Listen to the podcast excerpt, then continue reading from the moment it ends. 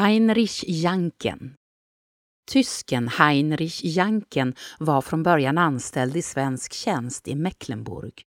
I maj 1622 kom Gustav II Adolf överens med honom om att han skulle få skatteintäkterna från Ortala bruk och Lyhundra härad samt Bro, Frötuna, Väddö och Häverö skeppslag mot att han anlade ett gevärsfaktori i Norrtälje. Janken fick sedan i februari 1623 uppdrag att värva dugliga yrkesmän från Tyskland, där man låg i framkant med vapenteknologin. Han gjorde två resor för att värva folk, men det var svårt och kostsamt. Till slut sysselsatte han ändå 60 arbetare och använde 6 800 daler till verkstäder och redskap.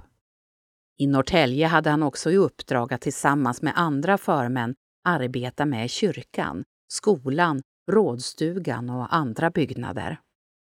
Men eftersom faktoriet ännu inte var färdigbyggt kunde hantverkarna inte producera så många vapen. Leveranserna och inkomsterna blev därför inte så stora och 1628 tvingades Janken i konkurs. Nu tog istället Louis de Geer över verksamheten.